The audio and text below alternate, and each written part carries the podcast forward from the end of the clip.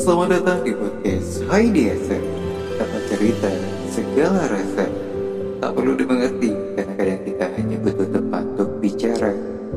Jadi Ceritain aja.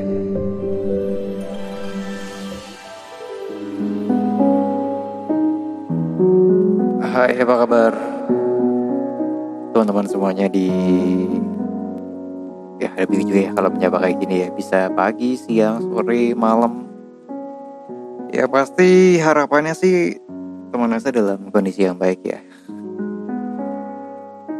Um, aku mau cerita bahwa beberapa hari ini aku sering banget lagi sering dengerin orang tentang proses dan juga perjalanan mimpinya gitu.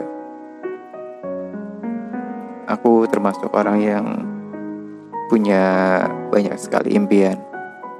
Bahkan impiannya tuh tumbuh lagi. Jadi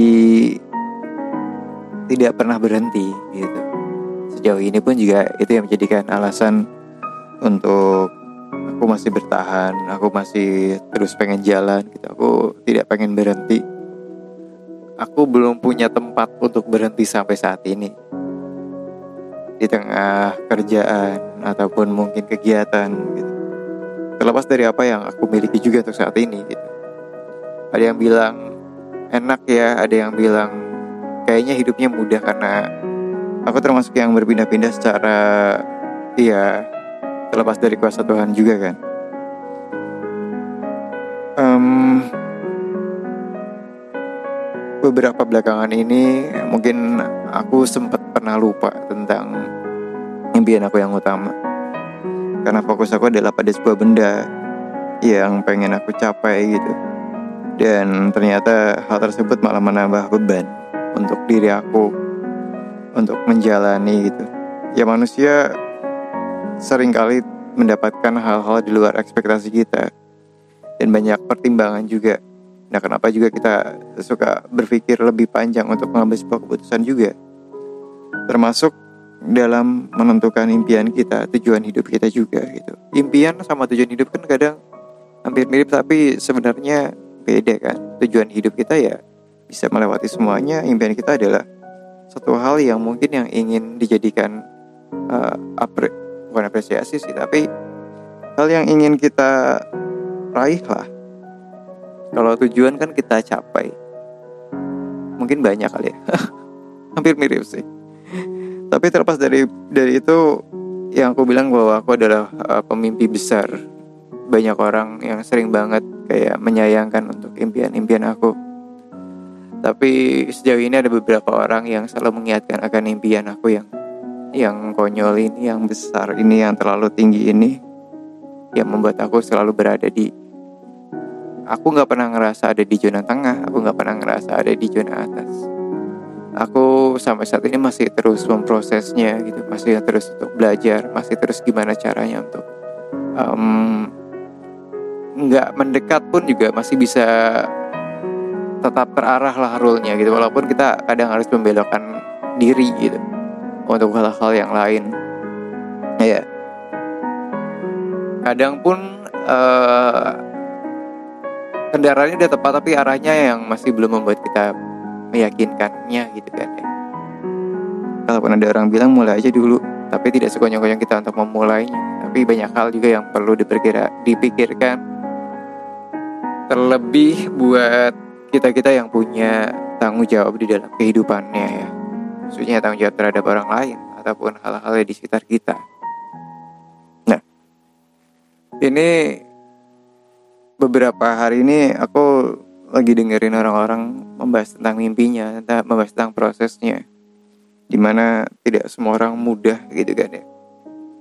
Dan apalagi jika impian itu sangatlah sulit gitu untuk kita gapai.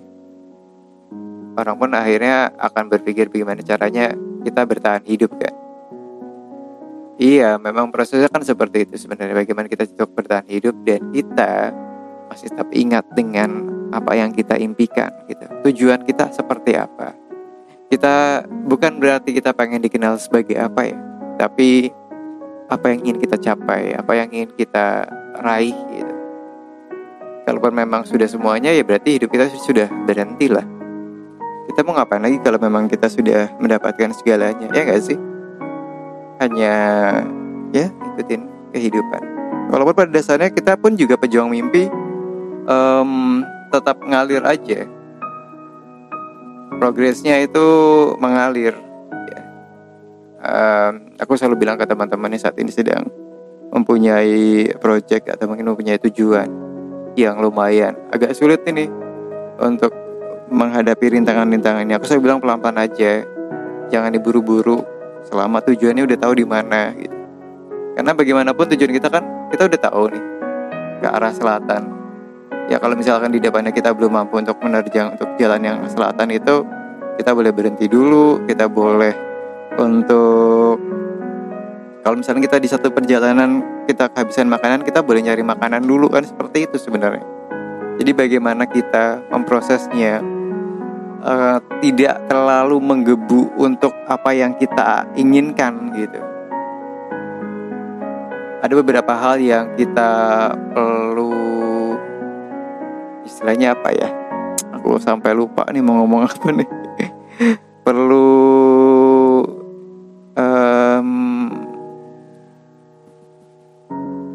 ditolerir lah ya kita bilang ada hal-hal yang perlu kita boleh uh, perlu ditolerir tentang impian kita tentang prosesnya gitu kita boleh melipir ke kanan dulu fleksibel untuk segala prosesnya tapi kita tahu di mana tujuan kita buat teman-teman saat ini yang mungkin sedang meraih mimpi sedang mengejar impiannya semangat ya teman-teman percaya aja sih percayakan segala prosesnya, nikmati segala prosesnya, jalanin segala hal-hal yang mungkin akan menjadi titik terendah atau titik terpahit yang akan kita lalui. Tapi ya, ya proses kita harus sefleksibel mungkin untuk meraih apa yang kita impikan. Perlahan hingga nanti Tuhan menentukan takdirnya. Jika ada yang bilang Bagaimana jika Tuhan tidak memberikan takdir itu untuk kita? Berdoalah. Berdoalah, berdoalah untuk impian kalian pada Tuhan. Hingga Tuhan mendengarnya, hingga Tuhan menentukan itu adalah impian kita. Terima kasih.